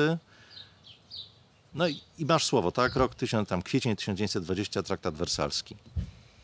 Yy, I opowieść o tym, co się tam wydarzyło. Ale przecież można to ubrać w formę radiową. Więc teraz się zastanówmy, jak, jak, jak, jak to można zrobić. Można dodać do tego dźwięki starych samochodów i ulicy z 1920 roku. Czy wtedy były konie? Czy wtedy były samochody? Zaczynasz szukać YouTube'a. Wyobraź sobie, że są nagrania dźwiękowe z tamtych czasów, więc możesz przy pomocy różnych efektów dźwiękowych stworzyć atmosferę, jaka dźwiękowo wtedy panowała przed Wersalem. Okej. Oglądasz stare filmy z tamtego czasu i widzisz e, czterech ludzi, po których już nawet kostka nie została, którzy się e, w cylindrach sobie kłaniają, kłaniają i podają ręce. I widzisz jakiegoś człowieka z e, kamerą, który kręcąc korbką ich nagrywa. Okej, mamy dźwięk kamery. A jeżeli on to nakręcił, to pewnie jest jakaś kronika filmowa, więc mamy fragment jakiejś angielskiej starej kroniki filmowej, która może zdecydować. Tworzyć się całe otoczenie dźwiękowe i to zupełnie inaczej brzmi niż lektor mówiący rok 1920. Traktat wersalski, bo możesz na chwilę człowieka przenieść tą wyobraź, yy, wyobraźnię w to miejsce. To było bardzo widoczne w tym cyklu e, z CERN-u, który nagrałeś, Mhm. czyli Boskie Równanie, gdzie e, to, mnie, to mnie też zachwyciło, bo uznałem, zachęcałeś w iluś wywiadach do tego, e, żeby posłuchać tego, tego cyklu o twojej znakomitej dla ciebie wizycie w CERN-ie i dla słuchaczy później. I ja sobie słuchałem no z taką ogromną, nie wiem czy się, może dlatego też nie zbyt dużo zrozumiałem, bo byłem zafascynowany tą formą. Zaangażowałeś różnych innych lektorów do tego. Tak. Dźwięki, osoby odgrywające scenki chociażby, Mhm. przechadzające się gdzieś. Czyli to oddawało zupełnie ten klimat tego, tego, tego miejsca i, i taką, nawet jeżeli może się nie zapamięta wszystkich informacji, to, się, to w głowie zostaje pewne wyobrażenie tego, a nie wylatuje od razu. E, O to chodzi, słuchaj, bo my nie jesteśmy w radiu, w audycjach dokumentalnych, czy naukowych, czy edukacyjnych po to, żeby kogoś e, dydaktyzować. Jeżeli ktoś we współczesnym świecie chce znaleźć jakąś informację, to znajdzie w 5 sekund. E, To naprawdę nie jest Ale problem. musi chcieć ją Musi znaleźć. chcieć znaleźć, prawda? Więc jeżeli ktoś będzie chciał dojść do sedna fizyki cząstek, to dojdzie. E, Dla mnie ten wyjazd był na tyle otwieraczem oczu czy uszu, że jechałem tam bez zbytnie- zbytniego przekonania. Zresztą zobacz, jak się e, historie w życiu zazębiają. Rafał Motriuk e, pracował w sekcji polskiej BBC przez wiele lat. Po zamknięciu sekcji wrócił do Polski i, i pracował przez wiele lat w Radiu Wrocław e, i robił świetne rzeczy dla informacyjnej agencji radiowej naukowe. I to właśnie on do mnie zadzwonił, to było dokładnie rok temu, w czerwcu w zeszłym roku, e, pytając, czy chciałbym pojechać do CERN-u. I powiedziałem, no, no tak, tak, oczywiście, bo zajmuję się nauką, ale gdyby na przykład powiedział, czy chcesz polecieć na przylądek Cape Canaveral i zobaczyć start Falcona 9, no to wtedy bym był w siódmym niebie. Tutaj się po prostu ucieszyłem. Po czym jeszcze okazało się, że nie do końca CERN jest w stanie zapłacić za przelot, ale moi szefowie się zgodzili, za co im tutaj dziękuję. Za publiczne pieniądze. E, tak, za publiczne pieniądze, ale znalazłem tanie linie, więc spokojnie 480 zł tam i z powrotem kosztował mnie bilet, tam przez Monachium, z powrotem przez Frankfurt. Mm. Myślę, że te pieniądze się chyba zwróciły jednak społeczeństwu. I to, co zobaczyłem na miejscu, mnie bardzo ruszyło. Nawet mówiłem to innym dziennikarzom, którzy ze mną byli, ale patrzyli trochę na mnie jak na wariata, bo oni już tam byli któryś raz. I, i, ale co, przestań tak to przeżywać. A ja to przeżywałem, bo poczułem, że dotknąłem miejsca, w którym ludzie naprawdę szukają odpowiedzi na pytanie, czym jesteśmy, skąd zmierzamy i dokąd, dokąd zmierzamy. Y, I to jest fajne, jak jesteś radiowcem. Jak widzisz ludzi, którzy mają pasję. Nie widziałem tam nikogo znudzonego. Jest parę takich miejsc, w których byłem w życiu, w których ludzie mają pasję. To jest radio, to jest planetarium, e, gdzie spotkałem chyba najwięcej humanistów w swoim życiu. E, to jest, uważaj, siedziba zespołu pieśni i tańca Śląsk, która jest kilkadziesiąt kilometrów stąd, gdzie po prostu przekraczasz bramę i ludzie są zafascynowani tym, co robią. I to jest też e, no, taka mekka dla radiowca pod względem dźwięków. Tak. Studnia dźwięków. Tak. Znaczy, mówisz, o wszyscy- mówisz o Cernie, czy mówisz... Nie, mówię w ogóle, jeżeli są ludzie z pasją, to Tak. od razu nie trzeba ani ciągnąć za język, oni się zaśmieją i to wszystko jest takie Poza tym, barwne. Słuchaj, naprawdę, jak trzeba być gruboskórnym, żeby podjechać pod budynek, na którym jest napisane fabryka antymaterii i żeby cię to nie ruszyło. I Mhm. stoisz przy miejscu, w którym rzeczywiście łapią antyprotony i, i trzymają je w magnetycznych y, pudełkach. A opowiadają ci o tym dwie dziewczyny, które nie mają y, nawet jeszcze 25 lat, zaczynają dopiero robić doktoraty i mówią, no tutaj tworzymy antyatomy wodoru, y, tutaj łapiemy specjalne pułapki i one tutaj są łapane i sprawdzamy, jakie to ma właściwości.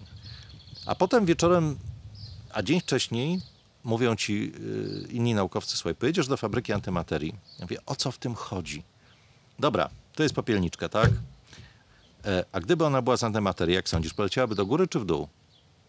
I kurczę, od razu ci uruchamia wyobraźnia. Mhm. Już wiesz, czym się zajmują te dziewczyny. W Badają dół czy w jakiś- górę? Wy Myślę. Ja bym powiedział w dół. I prawdopodobnie tak jest. Aha. I, i, I te dziewczyny, które tam pracują, e, panie przyszła doktor, e, zapewne potwierdzą to. Ale jeżeli okaże się, że do góry, wyobrażasz sobie, jaki to będzie przełom w fizyce, jaki to będzie Nobel, Mhm. wyobraź sobie, że spotykasz ludzi, którzy e, pracują z noblistami na co dzień. Widziałeś Albo- tam albo- noblistów? Tak, ponieważ noblistów czasem ci ich pokazują palcami. To jest y, cudowne miejsce, starałem się to pokazać w odcinku, gdzie opisywałem kafeterię Mhm. e, przy okazji cząstki Higgsa, gdzie tysiące ludzi przychodzą w porze lunchu. Przez dwie godziny tam jest jak w ulu i technicy, doktoranci, nobliści się mieszają ze sobą, stoją z tymi plastikowymi tackami do kasy. E, I to jest cudowne w tym miejscu. Tam nie widziałem nikogo w białym kitlu. E, Przeczytałem taką e, książkę, zresztą też ci ją polecam.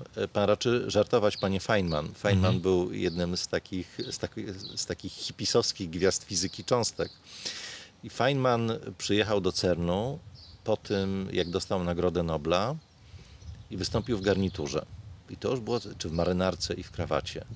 I ktoś w końcu zadał mu to pytanie, y, ale panie doktorze, czy panie profesorze, dlaczego pan jest, dlaczego pan ma krawat? Tu jest CERN. On mówi, no bo dostałem Nobla i chyba zaczęło mi się to podobać. I wszyscy uuu, wybuczeli go i mówi, przepraszam, zapomniałem się, ściągnął krawat, ściągnął marynarkę i dalej poprowadził tak wywiad. To jest, słuchaj stary, takie miejsce. Ja sobie zapisałem jedno, jedna rzecz, która pewnie nieistotna w ogóle Mhm. dla, dla tych e, historii, które opowiadasz o CERNie, ale e, coś, co widoczne na filmach. Leci, latamy samolotami, może będziemy latali jakoś normalnie. Tak. E, to, to czujemy, czyli turbulencje. Tak. W życiu bym nie pomyślał, żeby na przykład, żeby określać jakoś e, wzorami turbulencji. A ktoś e, po prostu to jest i, A i to, jest tyle. cieka- to jest ciekawe zjawisko, tak. Tak, a, a właśnie w tym, w tym odcinku ktoś mówi o swoich marzeniach, e, że chciałby e, wiedzieć, jaki, chyba, że Boga by zapytał, jaki jest wzór na turbulencję. Tak, tak, to był któryś z wielkich fizyków. Czy to był Heisenberg? Ale jak oni muszą się nad tym zastanawiać, żeby jeszcze, y, nie wierzę, żeby on tylko myślał, jaki jest wzór. On pewnie próbował jakoś sobie to analizować i jakoś określać. Coś, co nagle występuje. No to jest... E, ale to, jest, to jest cudowne o fizyków. Właśnie kilku tam e, 100 metrów stąd, w tym okrągłym budynku zwanym okrąglakiem, byś spotkał i by ci powiedzieli dużo na ten temat. Oni uwielbiają takie, takie tematy. Kiedy. e, O, ja, ja nie zapomnę, nie pracowałem wtedy w planetarium jeszcze, ale rzuciłem taki temat. Siedziało kilku astronomów i ja mówię, słuchajcie, czy przy pomocy teleskopu Hubble'a dałoby się zobaczyć e, miejsca, gdzie lądowały misje Apollo i te lądowniki, te nogi lądowników, które zostały. Dwie godziny później dyskusja osiągnęła już poziom rozgrzania do białości. Już były wzory wypisane na tablicy. Naukowcy się ze sobą spierali, czy się przepali teleskop, czy nie, bo księżyc jest jasny i tak dalej, i tak dalej, i tak, tak dalej. To są cudowne eksperymenty myślowe. Ja, jak opisywałem kwestię kota Schrödingera, to też musiałem pójść do paru osób, żeby mi powiedzieli, o co chodzi z kotem Schrödingera. E, To też usłyszymy. to też, tak, to też e, słychać w tej audycji. E, Chociaż ja nie mówię, że, że ja wszystko wiem. Y, ja raczej staram się dzielić w audycjach swoimi fascynacjami. Nie, nie odpowiadam na pytania. Ale dzielisz się jednocześnie, ale też, e, co jest dużą wartością, że oprócz em, twojego głosu laika tak naprawdę, e, mówiącego o tych e, zjawiskach, o tej fizyce, przeplatasz to z ekspertami, którzy wypowiadają się na ten temat i to też tak podbudowuje bardzo naukowo e, tę audycję, tak ją uwiarygadnia. To jest, to jest bardzo ciekawe. Ale jeszcze o tych em, tak. zafascynowaniu tych ludzi, e, wracając jeszcze do reportażu, bo który, Tak. który jest e, Odyseja Kosmiczna 2018. Em, tam to też bardzo słychać, jak fizyka fascynuje. Ja miałem dwóje w liceum, mnie to nie fascynowało, Ja nie miałem rozumiałem. Nie rozumiałem w ogóle, o co, o co w tym chodzi. A facet, który trafił do więzienia za zabójstwo, tak? Tak. Staruszka, e, z tak ogromną pasją opowiada ci o tej fizyce. Że jest dla niego w ogóle rodzajem substytutowalności. Dokładnie. I on siedzi w więzieniu nad tym, siedział, e, bo Tak. teraz tak wyszedł, tak jak mówiłeś, prawdopodobnie. Prawdopodobnie. Mhm. Godny polecenia, też polecam ten reportaż, jeżeli będzie możliwość załączenia go na przykład, jeżeli dasz taką... e, taką On jest chyba w sieci gdzieś na Tak, stronie to- Polskiego Radia, wydaje To mi się. jest. Ja, ja mam ten reportaż dzięki właśnie e, koleżance reportażystce. Tak się e, ładniej, to brzmi lepiej chyba niż Tak. reporter podobno. Tak. A bardziej tak, Reportażystki zawsze były, zanim jeszcze dostąpiło do emancypacji, doszło do emancypacji słownej. To byłem to dzięki Agnieszce Pospiszul, którą pozdrawiam, Okej. która przywiozła mi z Radia Opole. Przywiozła O. mi e, ogromny, przez swojego brata, ale e, pozbywała się książek, ogromny zbiór książek, który właśnie znalazła się antologia, Antologia polskiego reportażu. reportażu, E, I wtedy właśnie połączyłem fakty, czyli e, Mhm. głos Google'a i jednocześnie dziennikarz radiowy, bo tutaj są dwie płyty jednocześnie, na których między innymi jest właśnie Odyseja Kosmiczna. Mhm. Niezwykła historia taka ludzka bardzo, pokazania tragedii, ale że jednak tragedia nigdy, czy jeżeli ktoś coś zrobi złego, nie przekreśla tego człowieka. On dalej jest, może być fascynujący. On może Tak. żałować i być fascynujący. Pan Jan Kolano, który do mnie zadzwonił do redakcji i powiedział, że przysłał mi plany silnika fotonowego. Rzeczywiście coś takiego pocztą przyszło, no ale często jako dziennikarze dostajemy takie różne e, przesyłki, więc się tym nie przejąłem. Mówię, dobrze, niech pan przyjdzie do radia, to porozmawiamy. No niestety to jest niemożliwe, bo jestem w zakładzie karnym w Raciborzu. I wtedy mi się zapaliła lampka i pojechałem do tego Raciborza. To było jedno nagranie, które trwało dwie godziny. Mhm. Pamiętam jeszcze, że Jacek Kurkowski, realizator, musiał się wspinać po jakichś ławkach, żeby odgiąć, wyłączyć wiatrak, który tam chodził i, i denerwował go bardzo dźwiękowo. Dobrze, że się zgodzili na to e, strażnicy służby więziennej. E, tak, i potem po tym reportażu i po sukcesie, który on odniósł na konkursie Mieniacka Stwory, chciałem dalej robić reportaże, ale stwierdziłem, że przepraszam, to nie jest do końca moja bajka Mhm. że chyba chce się zająć y, publicystyką naukową i chyba chce się zająć dokumentami. Mhm. Historia zawsze mnie kręciła, a w dokumentach jest zawsze dużo historii. Jest coś niesamowitego w tym, że odtwarzasz taśmę sprzed wielu, wielu lat i te głosy brzmią tak samo albo bardzo podobnie. Mhm. Pewnie doczytałeś, że moją radiową mamą jest Krystyna Bochenek, Tak. też wybitna reportażyska i Wicemarszałek publicystka, wicemarszałek Senatu. Senatu. Pracowaliśmy razem w Senacie długo, długo rok. Ale dla mnie to była wieczność. I to właśnie y, ona mnie też trochę uczyła tej, uczyła tej szkoły reportażu. Ale stwierdziłem, że wolę dokumenty. A dlaczego o nim wspomniałem? Bo słuchałem całkiem niedawno y, taśm. Bo to dzięki niej też głosem. jesteś głosem Google'a. Trochę tak, bo to ona zaczęła mnie kopać w momencie, kiedy odchodziłem z Senatu. Tego akurat nie mówiłem nigdy, ale powiedziała tak. Jeżeli czegoś nie zrobisz ze swoim życiem, a masz lat 39, bo tyle miałem, to po prostu e, Jarek, e, bardzo mnie rozczarujesz. I pamiętaj, że ten, kto się nie e, rozwija, to się cofa. I ona powiedziała, to nie jest moja myśl, to jest myśl mojej mamy. Także fajnie, że wracasz do radia z tego Senatu. Ja szczerze mówiąc nie byłem w stanie wytrzymać na dłuższą metę w biurze senatorskim. Nie chodziło o to, że pani marszałek bywała czasem trudna, bo bywała i to nie była żadna tajemnica, ale jakoś nie widziałem w tym większego sensu. Mhm. Na dłuższą metę myślę, że ona też została radiowcem, bo my zostajemy radiowcami do końca życia. Ciebie też to czeka. Na razie myślę oby. To kryguje się, to jest cudowna No, rzecz, tak. zostać radiotą. I ona w końcu na mnie wymogła to, że, że postanowiłem coś ze sobą zrobić. I wysłanie tego mojego głosu do różnych studiów, studiów nagrań to, to, to była taka próba zrobienia tego.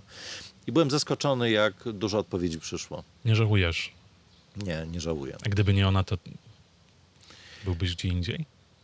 Nie wiem, czy byłbym gdzie indziej. Y, Mówiła mi tak. Nie zostań takim redaktorem w laciach. Mieliśmy paru kolegów takich, zresztą w każdej rozgłośni są, którzy już tam są od iluś lat i jak przychodzą do pracy, to zakładają kapcie, żeby im było wygodniej. W tych kapciach idą przeczytać serwis, a ja tak nie chciałem. Znaczy ona sprawiła, że dopiero to zobaczyłem. Mhm. O tak, teraz ja też sobie... Znasz takich, co? Tak. No, no. Redaktor w laciach, to niech ci gdzieś, gdzieś zostanie. To już będę i u mojego ojca w pracy i gdzieś bliżej, to też tak jest. Bo, Prze- Przepraszam, że patrzę na twój zegarek, ale zostało mi jeszcze 20 minut. Czy to jest ok? to ile my rozmawiamy? My rozmawiamy, mój drogi przyjacielu, już ponad godzinę. Ojej. Eee, ale 20 minut, że musisz iść, czy 20 Za minut? 20 minut muszę iść. Okej, to możemy jeszcze chwilę. Ale oczywiście. Dobra, bo ja nawet rzeczywiście już widzę na, na, na nagrywarce, że jest ponad godzina. To znaczy, że, że dobrze nam się rozmawia. Nie spodziewałem się zupełnie. Mi zbiłeś teraz e, z tropu z tą godziną, że tak, tak się Spoko. zrobiło. Ale chciałem zapytać cię o ten senat, bo to też jest w ogóle ciekawa historia, bo byłeś doradcą Ja Krystyny Bochanek przez nigdy nie rok. opowiadałem. E, No i dla, właśnie, dlaczego? Po co i co robiłeś? mm, to był rok 2008. Mm, Dobrze mówię? Tak, rok 2008. Chyba E, sobie wypisałem. Ja w radiu mniej wtedy robiłem z różnych przyczyn, w, których, w które nie chciałbym wnikać, ale było mnie mniej na antenie y, i tak szczerze mówiąc, coś robiłem dla planetarium, robiliśmy jakieś seanse, ale byłem na takim zawodowym rozdrożu. W radiu zajmowałem się redakcją internetową, Mhm. bo, bo to mi wtedy dali. Nie do końca mnie chyba to kręciło. No i wtedy, jak dziś pamiętam, robiłem, prowadziłem magazyn komputerowy. Zadzwoniła pani marszałek, to było wkrótce po wygranych wyborach przez PO. Nawet nie wiedziałem, że została marszałkiem czy wicemarszałkiem. I to jak, jak zwykle rozmowa z nią szybko piłka. Cześć, cześć, cześć, czy ty prowadzisz samochód? Y, No, czy masz prawo jazdy? Ja mówię, no tak, mam prawo jazdy. Okej, a ale pro, nie tylko masz prawo jazdy, prowadzisz auto. Mówię, tak, a automat umiesz? Ja mówię, no tak, umiem. Okej. I tyle. I odłożyła sławkę. Następnego dnia czytałem jakiś film. Jak dziś pamiętam, to była jakieś historia golfa. Mhm. Wiem, bo się męczyłem strasznie z tym golfem, ale nie chodziło o samochód, tylko o mecz, o sport. I znowu zadzwoniła, powiedziała, to wiesz co, ja chciałbym, chciałabym, żebyś został moim doradcą. Ja mówię, to ja się mm, muszę zastanowić. Ale doradcą do czego? No, też tego nie wiedziałem, ale mówię, na czym polega moja praca. No doradcą będziesz, będziesz e, pisał przemówienia, będziesz woził mnie samochodem i w ogóle będziesz moim takim asystentem. Powiedziałem, to ja się muszę zastanowić. Chyba ją to ubodło, bo pomyślała, że się zgodzę od razu. Myśmy trochę przepracowali razem w radiu. Ja wiedziałem, że ona potrafi być apodyktyczna. Była Mhm. cudowną osobą. Y, Była moją radiową mamą i, i strasznie mi jej brakuje. I wielki portret u mnie wisi. E, Ale potrafiła być też trudna. Ja wiedziałem, na co się pisze, ale się zgodziłem. Wieczorem zadzwoniłem, powiedziałem, że tak. No właśnie się zastanawiałem, dlaczego tak dużo czasu ci to zajm- zajmuje. No i przez kolejny rok byłem odziany w garnitur. Jeździłem z nią do Warszawy. y, Kiedy nie woził jej kierowca sejmowy y, czy senacki, ja ją woziłem jej samochodem. Przynosiłem jej śniadanie z bufetu teatralnego, bo biuro było w Teatrze Śląskim. Mhm. Pisałem jej przemówienia, które czasem się podobały, czasem nie. Robiłem zdjęcia, dokumentowałem ich życie. E, Ale ona chyba widziała, że się męczę, bo ja wykonywałem swoją sprawę, e, swoją Praca. pracę, wykonywałem swoją pracę poprawnie, ale ona widziała, że się dusza. To, to nie było coś, w czym można, mogłem się wyżyć. Można być twórczym we wszystkim, pewnie w polityce i w Senacie też, Mhm. Ale pamiętaj, że pracowałem z dość barwną osobowością. Mhm. I w pewnym momencie chyba przestało się też to mojej żonie podobać, bo mieliśmy małe dziecko wtedy, Alicję, ta, która teraz już jest duża i ma lat 15. Było mnie mało w domu. Ciągle gdzieś były te moje fascynacje kosmiczne, y, które nie do końca byłem w stanie pogodzić. Robiłem trochę rzeczy w radiu. Jak zmieniło się szefostwo w radiu, to Tomek Heryszek, który wtedy był jednym z szefów radia, był w zarządzie, zaczął robić takie podchody, czy ja bym nie wrócił. Ja mówię tak, ale ja tego nie powiem pani marszałek. I następnego dnia przyszła Bochenkowa, mówi, rozmawiałem z Tomkiem, mówił, że ty byś może do radia wrócił, ale chyba jest ci tutaj dobrze.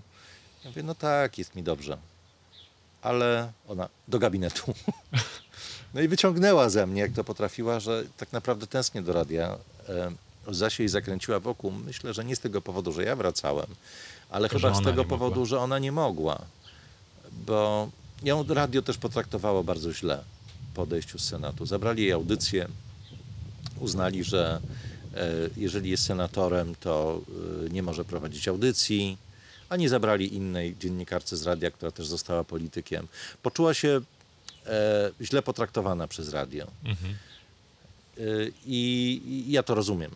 Ale to dalej była ta sama, no bo wiadomo, władza w radio jest uzależniona od władzy w państwie. To była ta sama władza? Wiesz co, ten związek był może mniejszy, nie wiem, nie, chcę, nie chcę w to wchodzić. Może ktoś wyskoczył przed szereg. E, Mhm. W każdym razie miała duże problemy ze swoją audycją i e, ja, ja to teraz rozumiem. Ja to teraz rozumiem. I ona tęskniła do radia, jak my wszyscy. I zobaczyła, że ja tęsknię. Y, I umożliwiła mi powrót. Ale tak jak mówię, z mocnym kopniakiem, że nie wracaj tam, gdzie byłeś. Mhm. E, staraj się robić coś więcej. I teraz ja to wiem, że miała sporo racji. Często sobie zadaję pytanie w różnych sytuacjach, co by zrobiła Krystyna Bochenek. E, Jakby się zachowała w obecnej sytuacji politycznej, co by myślała o zawodzie dziennikarza. E, Jak piszę teksty, to często mi się włącza Krystyna Bochenek wewnętrzna, bo ona była bardzo skrupulatna, jeżeli chodzi o pisanie tekstów. I ja po niej odziedziczyłem taką skrupulatność i poukładanie w momencie, kiedy już tworzę audycję. Bo samo pisanie tekstu to, to jest proces twórczy. On jest mocno czasem niepoukładany. Może i dobrze. Nawet jak robię teraz filmiki do YouTube'a, ostatnio jeden, mam nadzieję, że moi szefowie z planetarium nie będą słuchać, napisałem w czasie zebrania. Bo, bo wtedy takie rzeczy wychodzą fajnie. Ale kiedy dochodzimy do momentu produkcji, Mhm. i trzeba mieć efekty dźwiękowe zebrane, trzeba mieć przycięte wypowiedzi, e, trzeba wiedzieć, co będzie po czym, to ja jestem wtedy jak Krystyna Bochenek, poukładany od początku do końca. Dlatego realizatorzy lubią ze mną pracować, bo wiedzą, czego ja chcę. Ja mam wybraną muzykę. E, Ja nie kombinuję w trakcie nagrywania, czy wybrać taki utwór, a może poszukamy w sieci czego innego. Nie. To, to, to, to jest przygotowane. To, to jest moja wewnętrzna Krystyna Bochenek, tak. Zginęła w katastrofie Tak. smoleńskiej. Pamiętam ten dzień bardzo dobrze. Akurat miałem wolne, miałem mieć wolne, siedziałem e, w sobotę z dzieckiem.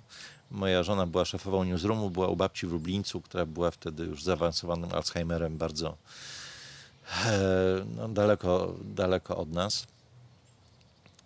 E, No i jeden telefon, drugi, trzeci. Okazało się, że spadł samolot, że, że prezydent, żona wracała na szybko do radia z tego Lublińca, a potem płacząc zadzwoniła, że prawdopodobnie Krystyna Bochenek była na pokładzie. Ale jeszcze w to nie wierzyłem, bo często takie newsy się nie sprawdzają, więc nie wpadałem w panikę.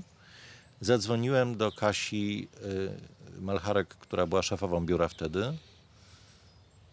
I jak odebrała płacząc, to już wiedziałem, że, że to koniec. Wiesz, najgorsze jest to, że ja nie, nie jestem sobie w stanie zapamiętać naszego, przypomnieć naszego ostatniego spotkania. Wiem, że było miłe. e, I pamiętam, że miałem wtedy przyjść do biura przed świętami. E, Kupiłem nawet śliwki w czekoladzie, które ona uwielbiała. I w ogóle wtedy się dość mocno odchudziłem i chciałem się pokazać, że jestem taki bardziej wysportowany. I było biuro już zamknięte. I powiedziałem, a to przyjdę po świętach. Bardzo długo woziłem te śliw, śliw, śliwki w czekoladzie w e, bagażniku mojej polówki, bo, e, bo były takim symbolem. Do dzisiaj zresztą, żeby nie być gołosłownym, mam pewnie jej numer telefonu e, w komórce. Ciekawe, czy mam. Pewnie powinienem mieć oba. Zaraz sprawdzę, czy mam Krystynę Bochenek. Wiesz, spotykamy czasem w życiu takie mocne osobowości, Mhm. Proszę, trzy numery telefonów. Często było tak, że dzwonił telefon, któryś z trzech, które miała w torebce. Ja na nim po prostu dawała torebkę i musiałem wybrać któryś z telefonów, żeby odebrać, żeby powiedzieć, że pani marszałek nie może rozmawiać. Nigdy nie byliśmy po imieniu. Mhm. Czyli tu ten dystans był zawsze. Zawsze był. Ona mi mówiła, niech pan, to, e, niech pan, e, jak to było? E, Panie Jarku, zrobisz to. Albo Panie Jarku, napiszesz to. Potem mówiła mi normalnie po imieniu. Nigdy nie powiedziałem Pani Krysiu.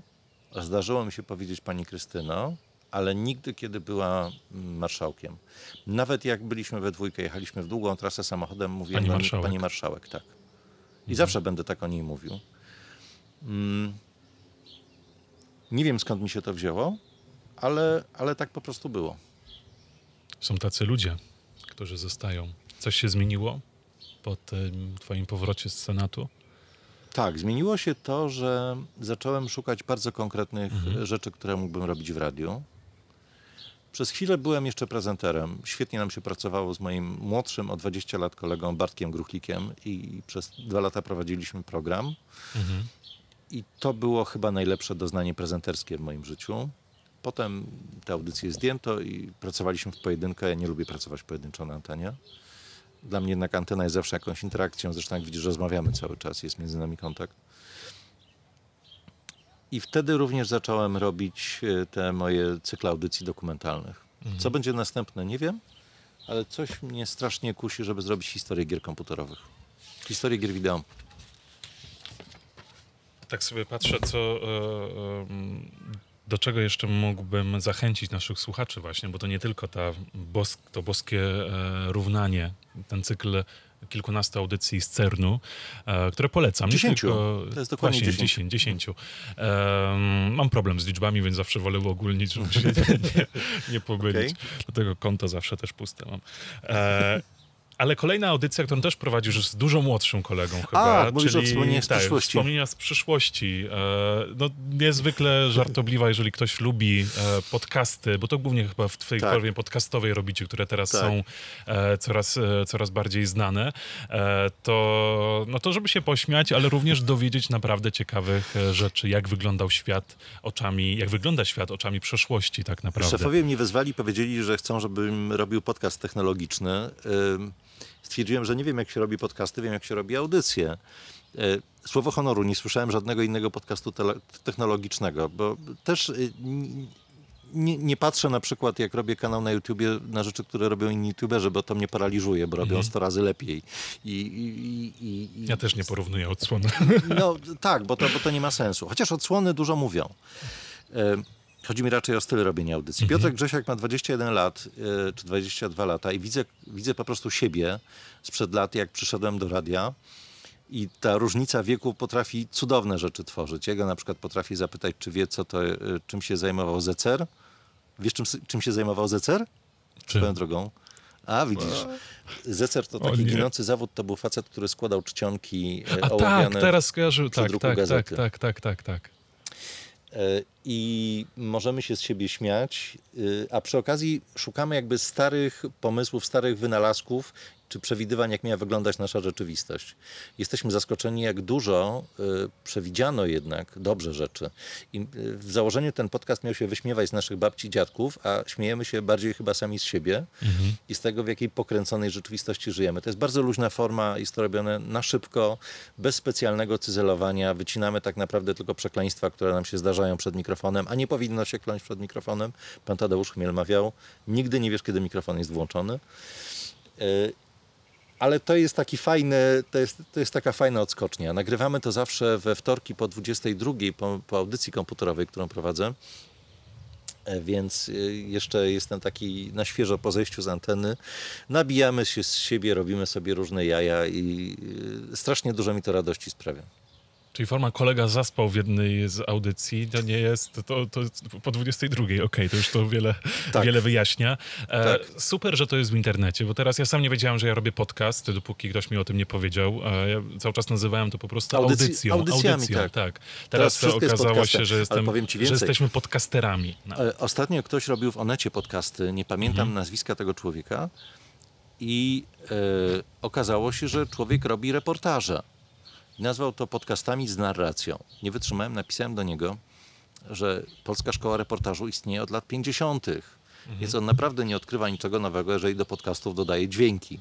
Napisał, tak, tak, oczywiście, że wie, że przeprasza i że całą Polską Szkołę Reportażu pozdrawia. ale y, ludzie odkryli audycje radiowe na nowo. Zauważyłeś to? To jest ciekawe y, i moim zdaniem to jest forma, w jakiej przetrwa radio. E, raport Rosiaka, nie wiem czy kojarzysz, E, to też e, niedawno to odkryłem. Rosiak to też BBC, nie wiem czy wiesz. Tak, kojarzę. Tak, właśnie jak, jak zac- zacząłem czytać o nim po prostu. E, Świetne, co tydzień robi długie, bo prawie półtora godzinne audycje podsumowujące wydarzenia. I robi to w świetny, radiowy sposób. Dosłownie jakbyś radia słuchało. Dariusz jest, Rosiak wydawał a to e, jest- dokładnie reflektorem pod świe, po świecie. To była audycja, która podsumowywała dzień. Więc polecam również podcast i właśnie już zmierzając do końca, żebyś... Tak. e, Nie wiedziałem, że tak się to przedłużyło, ale to... Ja jestem gaduła, przepraszam, Ale ja się, bardzo, ja się bardzo cieszę. Więc Apple Podcast, Spotify, e, tam można znaleźć twoje boskie jeszcze równanie. Deezer, no i- i stronę Radia Katowice. Wszędzie, i stronę Radia Katowice. I dla tych, którzy e, mają pewne obiekcje co do oglądania czy słuchania mediów publicznych Polskiego Radia, celowo nie rozmawiałem z tobą o tym, też, e, żeby zostawić twoje miejsce pracy w spokoju, ale tutaj mogę z e, ręką na sercu bardzo polecić Radio Katowice pod względem tej roboty, którą robicie jako dziennikarze e, i zachęcić do słuchania tych podcastów, bo tam jest wiele innych audycji, reportaże również. No świetną robotę robicie radiowo, więc Bardzo dziękuję, bo to zawsze było w, oczkiem w głowie wszystkich szefów, żeby, żeby jednak tworzyć, nie powiem, powiem nieładnie, content czy zawartość, która, która byłaby dla słuchacza znośna. I myślę, że jeżeli spotkamy się za 10 lat, to zobaczysz, jak wiele rzeczy z tych, y, z te, przetrwa ze sztuki radiowej. Zginą morning showy, zginą przygaduchy przy mikrofonie i przegadywanie się i zginą hity, bo ludzie już w tej chwili słuchają po prostu Spotify'a czy Apple Music, a zostaną te rzeczy, które robią dziennikarze, które teraz są nazywane podcastami, kiedyś było nazywane audycjami, a w przyszłości będą nazywane, nie wiem, opowieściami dźwiękowymi. Ponieważ to jest esencja radia. To jest to, co w radiu było na samym początku. Na samym początku w radiu nie było muzyki, tylko było słowo, były opowieści i była wyobraźnia. Ja jeszcze liczę na to i wierzę, że tak będzie, że wrócą złote czasy słuchowisk. o tak. Próbowały to, próbowi, próbowała to robić audioteka, robiąc tak zwane superprodukcje. E, Nie wiem, czy słuchałeś na przykład Niezwyciężony został tak wydany, czy Solaris, czyli Nie, to jest nie, nie, audiobook z efektami Wiem, ale dźwiękowymi. Lśnienie bodajże, e, albo inna Kinga książka. Nie lubię, y, nie lubię y, tak zwanych superprodukcji, bo uważam, że coś powinno być albo adaptacją, czyli słuchowiskiem, albo audiobookiem. Dodawanie do audiobooka efektów dźwiękowych dla mnie nie pasuje. E, Po prostu moja dusza radiowca się wtedy jeży. E, Dam ci prosty przykład. Masz na przykład kod Leonarda, tak? Mhm. E, Peter Langdon przechadzał się korytarzami Louvru. Jesteś w stanie to usłyszeć, tak? I je- jesteś w stanie zrobić efekt dźwiękowy. Wszystko fajnie. Nagle usłyszał krzyk. Pierdut, co robisz? Musisz dać krzyk, tak? Eee! Ginie cała magia książki. Dlatego, kiedy słucham w superprodukcji astroboty, które chodzą... Nie, to jest wyobraźnia. Zostawcie to mojej wyobraźni. Czyli audiobook w czystej formie. Tak. Czytałeś kiedyś? E, Zdarzyło mi się, ale krótko. Wyobraź sobie, że teraz będę miał chyba dłuższy epizod, e, bo em, razem z moją małżonką, która też jest lektorką, e, zaproszono nas do przeczytania Króla Maciusia I w takim projekcie zupełnie non-profit jednej z fundacji i chyba dzisiaj nawet zaczniemy to czytać. Cordis może? E, Nie Cordis, nie. Hospicjum Cordis to zupełnie na, na inną opowieść. To jest ogólnopolska fundacja, ale będziemy w otoczeniu cudownych polskich głosów, więc jest to dla nas zaszczyt. Ogromny zaszczyt. Ale myślę, że dla nich również e, może być zaszczyt, że będą mogli współpracować z Dziękuję tobą. Ci za miłe słowa. Z podziwem ogromnym, bo to dla mnie też była... Chwaliłem się potem znajomym, że rozmawiałem przez telefon z, z lektorem. Daj spokój. Cię słuchałem od iluś lat w Nawiga, już wracając znowu ten wątek kończący, Dziękuję, czyli że nie kazałeś mi powiedzieć kieruj się na południe. to usłyszymy. Ja wtedy zawsze będę głupiał e, i ten, i ten kompasik tam naciskał, żeby zobaczyć, gdzie jest. Ale słuchałem cię od lat, e, właśnie używając tej nawigacji. Głównie w- chyba jeżdżąc rowerem, bo ja często korzystam z nawigacji e, i nagle słyszę głos, że tak rozmawiam z swoim prywatnym asystentem Google'a. To też jest taka, no, taka ciekawa. W Bardzo mi miło. od e, samego początku, jak nowe autobusy w Kielcach zaczęły jeździć i tam był lektor, nie syntezator, ale lektor, który zapowiadał przystanki. To było moje największe marzenie, żeby być lektorem, Ale który zapowiada. wiesz, że moje też i to całkiem niedawno się Linia mogło ziścić. 107. Całkiem się to mogło ziścić, ponieważ nagrywaliśmy u mnie w studiu zapowiedzi do przystanków tramwajów śląskich, a to jest olbrzymia instytucja i ponad 380 przystanków. Ale akurat e, człowiek... e, Kobieta jakaś czyta. e, Czytała, czy słyszałeś, słyszałeś panią Bartel, która czyta w niektórych po Wesołe śląsku. Po śląsku. Ale jak będziesz wracał teraz, to być może usłyszysz e, Andrzeja Zawadę, który jest rzecznikiem e, tramwajów śląskich, też pracuje u nas w radiu jednocześnie, więc użyliśmy jego głosu, ale to było nagrywane u nas w studiu. Super. Jarosław Juszkiewicz w inspiracjach Sidorowicza prosto z Parku Śląskiego w Katowicach. To chyba jest najdłuższa e, rozmowa. Przepraszam, jeżeli Państwo zasnęli, już czas się budzić. To jest właśnie też e, super forma podcastu, bo w radiu jednak ten czas zawsze gonił, prawda? E, Ja to kocham w podcastach, że nie muszę patrzeć, e, to przy boskim równaniu to było, że nie mogliśmy przekroczyć 15 minut. E, I tak od połowy audycji już się denerwuję i realizator mówi spokojnie, nie denerwuj się, y, wyrobimy, damy radę. A w podcaście można, mówić, byleby nie truć, nie? Ktoś się zatrzyma, wróci. Jarosław Juszkiewicz, lektor, Polskie Radio, dziennikarz radiowy, astronom, pasjonata. Fascynujący człowiek po prostu, więc polecam wam podcasty bardzo, które macie szansę posłuchać wybitnych dzieł. Ja się dużo z nich nauczyłem, nawet z tej rozmowy także. Bardzo mi miło, dziękuję bardzo. Dziękuję bardzo. Inspiracje Sidorowicza.